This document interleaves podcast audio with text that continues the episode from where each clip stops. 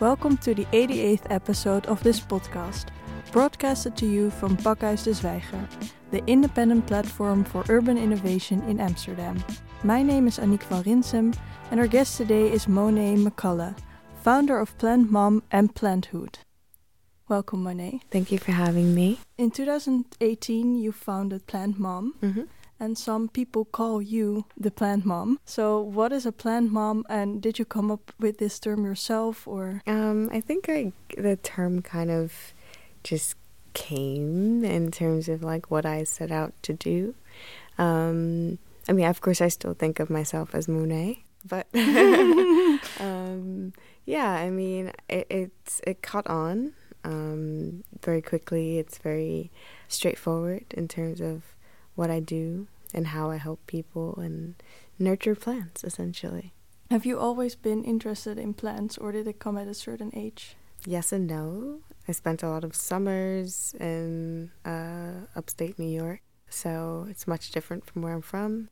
So I didn't mind being up there in nature and doing things a little bit differently. Um, and but it wasn't really actually realized until I actually started buying my own plants, and so I guess both age and just uh, being around something not as consciously, and then kind of being there, being more aware of plants consciously, and really being able to uh, find my passion within that. So you grew up in New York, and you also did your studies there. And when and why did you move to Amsterdam? When in 2018, in July, the summer. Um, why is a series of many things, but more so where I wanted to challenge myself in a new place. And yeah, pretty extreme in a sense, where if I'm going to do something, just do it. Um, I've always wanted to live in Europe, but I didn't really have, or I didn't have not necessarily the opportunity, but more so the mentality to want to change my situation so drastically. Um, and it came to a crossroads uh, about yeah two two years ago now, um, a little over two years ago, where I didn't really want to be in New York, and um, I didn't really see my life going the way that I wanted it to, um, with fulfillment and yeah, it's just it just wasn't there anymore. Um, so uh, a couple years back, I had met someone who's actually from the Netherlands, um, and it kind of just made sense. Like, you know, I could have moved to California, but I don't know anyone in California, so but I knew somebody here, so yeah, I just acted on that one. Yeah, that one one piece of information. that one person in this case. Yeah, one person or just one access point.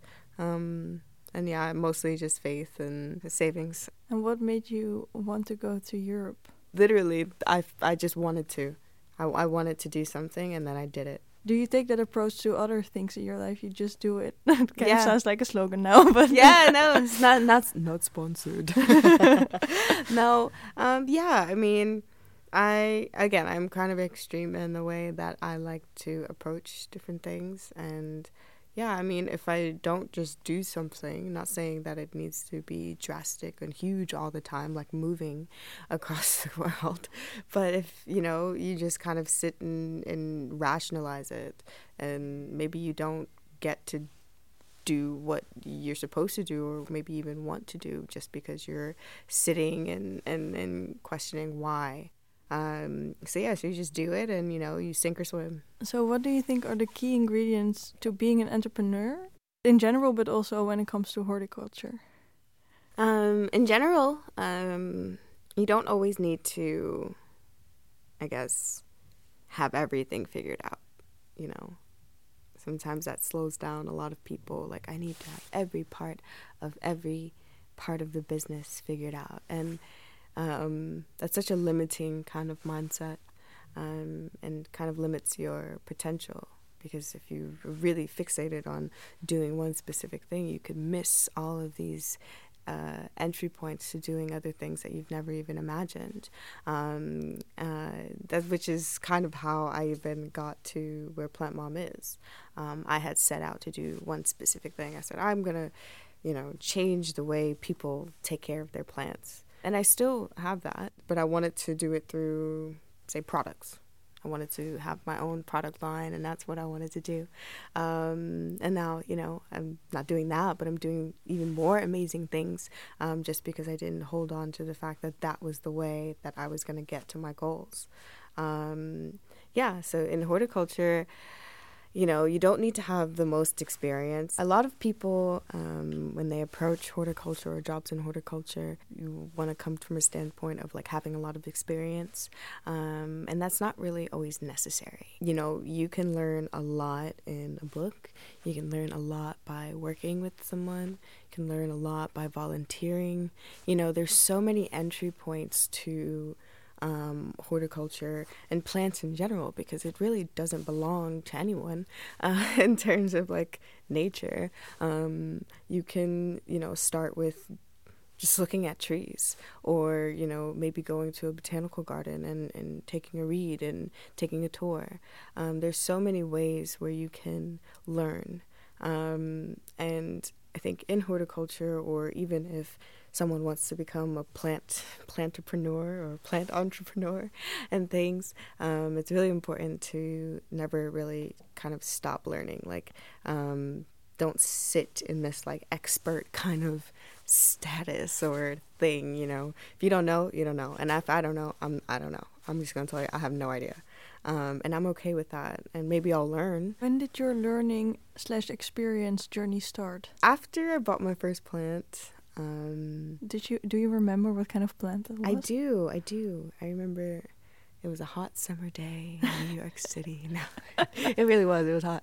Um, it was August, um, and uh, it was a syngonium arrow, which I actually have in my store now, and it always like kind of makes me like, oh. What does that look like? Um, it looks like an arrow. They have like an arrowhead. Sometimes it's called the common name is um, an arrowhead. And yeah, it was my first plant. I bought it at a hardware store. I was on my lunch break at work and I walked past the hardware store. I just got my first apartment in New York, um, so it was like a big deal. I had no money, but like I had three three dollars for this plant, um, so I, I bought the plant, and since then it's just been like I was just buying plants and buying plants every like you know time I got paid. I would just go to the uh, um, plant store, um, and at the time I was also working as a florist, so it was kind of relative, but not the same. If you ever worked in flowers versus plants, they don't really o- always overlap. Um, but I was always more drawn to like the plants that we had in the shop, and I cared a little bit more. Um, and yeah, and then from there, I I just started looking for opportunities in terms of like jobs or like yeah volunteering. I don't know, just anything. I just went on Craigslist and put in like horticulture, and the first thing that popped up is what I applied for, um, and it was a really cool job where I was going around like different offices and taking care of plants and such. So it was, yeah, it was pretty pretty cool in a sense. I learned a lot. So when you went to all these offices taking care of plants, did you already know a lot, or did you look up about the plans when you? No, went? I, I didn't know anything. Um, I was just really enthusiastic, and I learned a lot there. Um, I worked with a lot of other people who were really good, um, and I learned you know their tips, their take, their you know techniques, and yeah, it was really cool.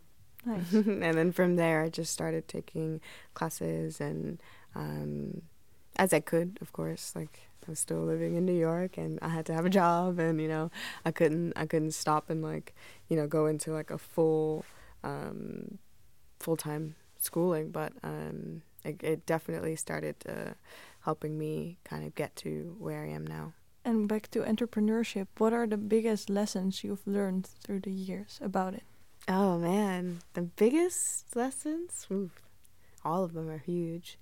Um, don't say yes too quickly. you know, sometimes it can be like, yes, don't be a yes man, you know, like really be able to understand that every yes is a commitment. Um, and if you genuinely don't have the time or the space for it, say no. And it's okay. There's power in no. um, or not right now, you know. Um, yeah, I guess that would be the biggest lesson to date. Like just being able to, you know, be honest with myself um, in terms of what I have the capacity for. Everything seems cool, especially when you know uh, there's more opportunities coming and more people want to get to know you. But you know, no. but it's kind of counterintuitive to what you said before that you also need to keep moving. Mm-hmm. So, what's the difference between saying no when you want to and also not slowing too much I can down? keep my pace, um, of course, but at a pace that I'm comfortable with. It's it's not meaning that like no doesn't mean I have to stop everything. No is just like I'm doing something right now and um, I don't have the time or the space for more um, at the moment, at least. Um, but yeah, I mean, I'm I'm always moving. I'm always going. I'm always doing something, um, and I really enjoy it. I don't feel like I'm working at all um, because I'm doing something that I really love and that I'm really passionate about. But um, sometimes, in terms of yeah, just taking on a lot. I mean, I have a store now. I have to kind of just make space for things so I can continue to grow. Um, so sometimes you say no. Is there an intuitive factor to saying no or Yes. Think about some of the things that are important to me on that day, you know, um, or that week. Um, what am I doing that's important? Or, you know, how many things am I packing into that week outside of like just uh, having this store, but other things outside of that. Um, and then I think about like how much time do I have for myself? um, can I get home to walk my dog? Can I just do the things that keep me kind of grounded? Um, I I do I love like change, but I also really enjoy routine. So like you know, waking up, having tea, sitting with myself. Do I have time for that? You know, like those are the things that are super important to me. Um, so it's intuitive in a sense where I just want to keep my routines um, while being able to embrace change. you've called yourself a plant revolutionary? Ooh. What makes your work revolutionary? Um, well, I'm a part of the revolution through plants for sure.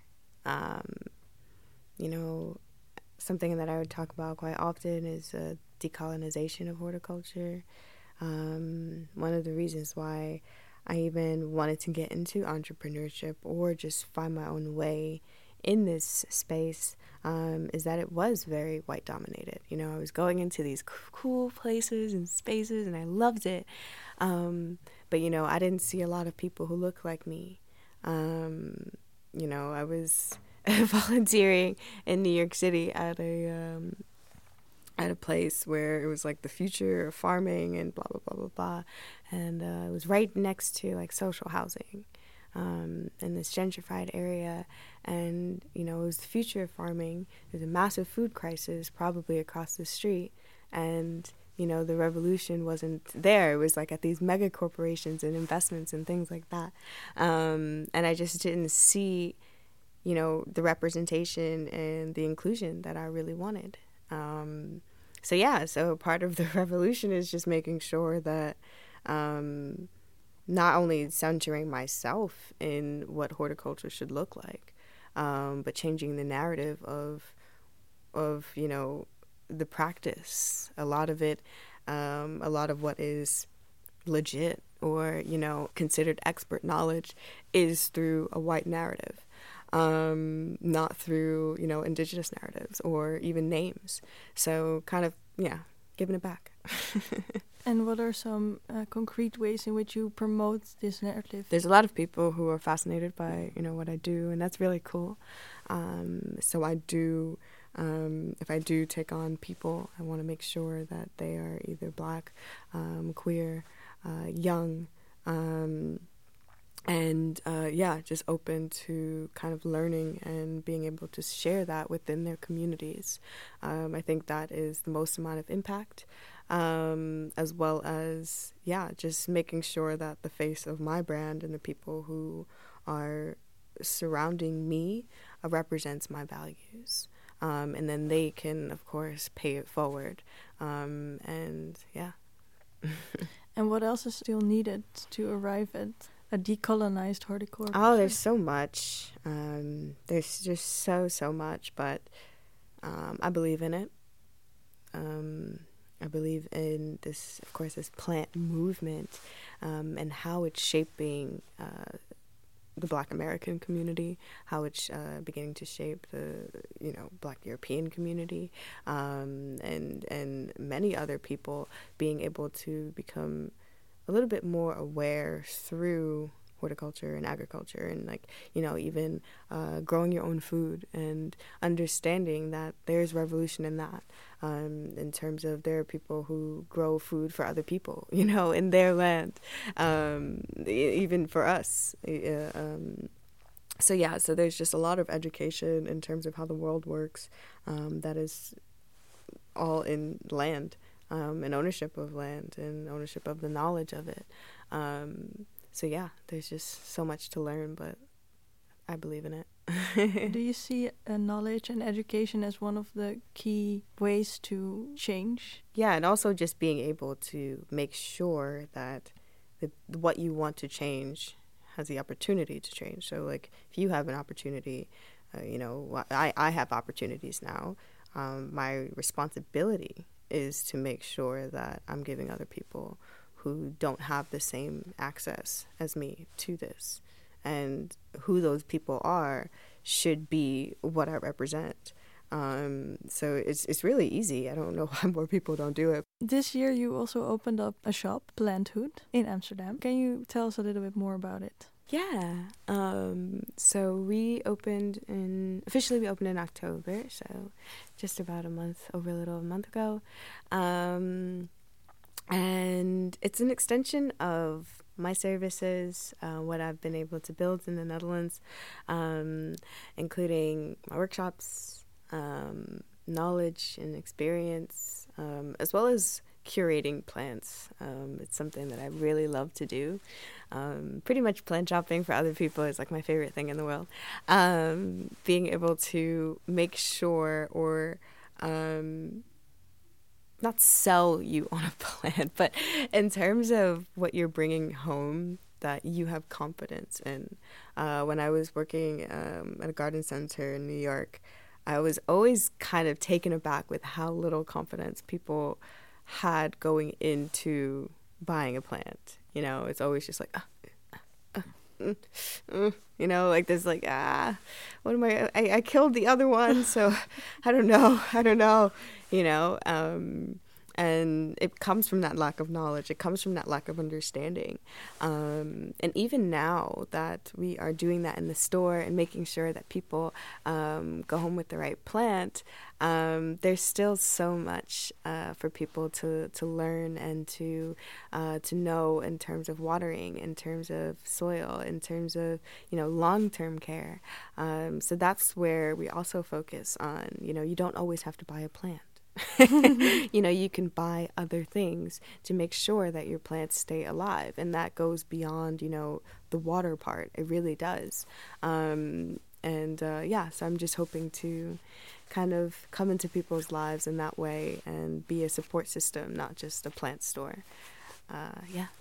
And how do you think uh, the idea of planthood changes our relationship with plants? Um, because there's no blueprint to this stuff. That's really beautiful. I mean, it's not. My mom actually taught me that. She's a really awesome woman. Um, yeah, she she just kind of put it and there's no blueprint to life. There's no blueprint to raising children. There's no blueprint to raising plants. You just gotta figure it out, you know, and just try not to kill it. That's all we're doing every single day, just trying to not die. Now, the nice thing about plants is that like if you kill it, there's no there's no like you can be devastated, but I guess it's not the same as like a human life, even though like you should, you know, feel feel feel sad, you know, take your time. Um, but honestly, you know, we're all just trying to figure it out. So, you know, if I can give you advice um, and what you've been doing for 25 years goes against my advice, who am I to say that I'm the right one? You know, the plants are the right one we just trying to figure what out, you know, figure out what they need, what they what they need to do. Um, and sometimes it don't work. Sometimes this plant is not for you. pass it along before it dies. You know, give it to somebody else who can maybe have the right light for it, or you know, the space or the time. Um, making sure that you understand that it's a commitment and not like three years. You know, some people have plans for a hundred years. Wow.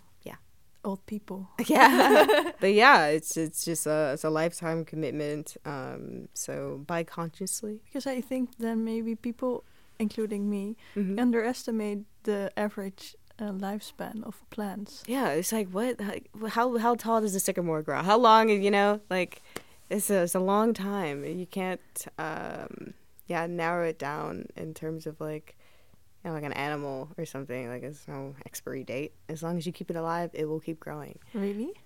Yeah. Whoa, this is. I Yeah. really thought the average lifespan of a plant was three years or something. Well, it it depends. I, I like to think about the rule of threes. It's uh what I teach. Um, so your plants normally you buy a plant and it's so shiny and cute and like oh yay, instant gratification. I've done it. I'm a plant parent. Um, and in three days you're starting to see your first yellow leaves and things are starting to change. And then three weeks. Uh, you're probably already panicked because you saw like a another like full yellow leaf or some browning tips um, so you're like doing things like I need to repot it, I need to water it more, I need to like put it in the sun, ah, um, and already you've stressed it out, and then by three months, you know, it looks a little crazy. um, and that's where it's like life or death. Is this plant really gonna make it? Um, and if by three months, you know, the plant is still doing its thing, probably we'll have it for three years, and then after three years, if it's still going, it's most likely going to be with you for like the rest of your life. Wow. uh, but things happen, of course. There are some plants that do die after like flowering or like things like that. But I think my grandmother has like plants for what, 30 years or something. They're still alive. So, what are some tips that you could give people in general about plants? I mean, I, I get that all the plants are individual plants, but someone who really kills plants a lot, what should they know? I think a lot of people put a lot of pressure on themselves to be like perfect plant parents. That's silly. Stop it. That's my advice. Stop it. Make sure that you are understanding your commitment. So maybe, you know, you want to go shopping for plants and it's really fun. Um, but make sure you're buying with intention in terms of looking at the plant's needs before. Um, it's a quick Google search. Maybe instead of finding how easy is this plant, maybe find out where this plant is from. Um, if it's from Brazil, it's probably a tropical plant, thus, it needs a bit of water, a bit of care, a bit of moisture, um, but maybe not a lot of light. Um, or, you know, it's a cactus and it needs a lot of light, even though it doesn't need a lot of water. I think we take the intuition out of like our purchases, um, thinking that plants are going to work for us. But just try to understand what you are getting yourself into before you do it. Um, like the Monstera. Oh, that's a good one. The Monstera is a monster. Monster is like part of the name. Um, and the most common complaint is that it's too big. Like, what what did you think was going to happen? you know, it's like, would you buy like I don't know, a, drink, the drink Monster? You know, everything. Ah. That's what I think. Very intense. Um, but yeah, you you live and you learn. So, do you think plants and well being coincide? Of course. In what ways? I mean, so many different ways. It's a form of caring for yourself, right? You're putting things in your house to make yourself feel better. You know, it's part of your routine. I find routines are part of self care. So that's why I'm like really stubborn with my routines. I mean, it helped me a lot. I'm sure it's helped a lot of people through this wacky year. Um, being able to not have control over something, but at least being able to sit and or enjoy the fruits or the flowers or the leaves of something that you can't control. That makes sense. hmm Um, Do you think the corona crisis has put houseplants in a different light? I think people bought a lot of houseplants, that's for sure. Um, I mean, yeah. I mean, now you're going into this like truthfully, um, I worry if plants are now becoming this new like capitalistic thing. Like you have to have, you have to have, you have to have, and that's silly. But if it makes people feel good and it keeps me employed, Very capitalistic of you.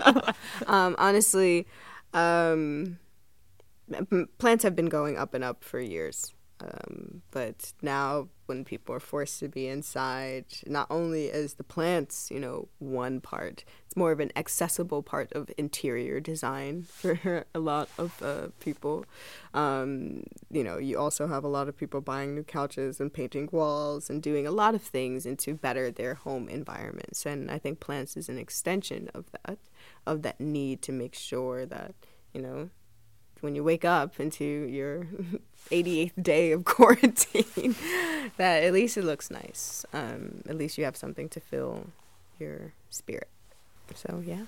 What are your plans for the future of your businesses? i have so many plans. My plan is to like my long-term goal really um, is to help people care for their plants. That's it. Just i'll be there may not physically be there. I don't know. Maybe, um, but just yeah, in a real way, in a more intuitive way, kind of being able to make people feel comfortable with the information um, their approach, and however my medium of doing that is, whether it's like still doing workshops or maybe it's digital, crazy digital platform. I don't know. Um, as long as that my goals stay the same. That's what I'll be doing. That sounds great. Thank you. We'll be watching you or feeling your presence from Feel- afar. yes, you can feel my presence. Thank you so much, No Monai problem. McCullough. Thank you. Dear listeners, this was the 88th episode of the podcast series by Pakhuis de Zwijger. Do you want to know more about this topic? Tune into our livecast series New Amsterdam via our website dezwijger.nl. You can rate or subscribe to our podcast via SoundCloud, Spotify, iTunes, or another podcast platform. Thank you for listening, and until next time.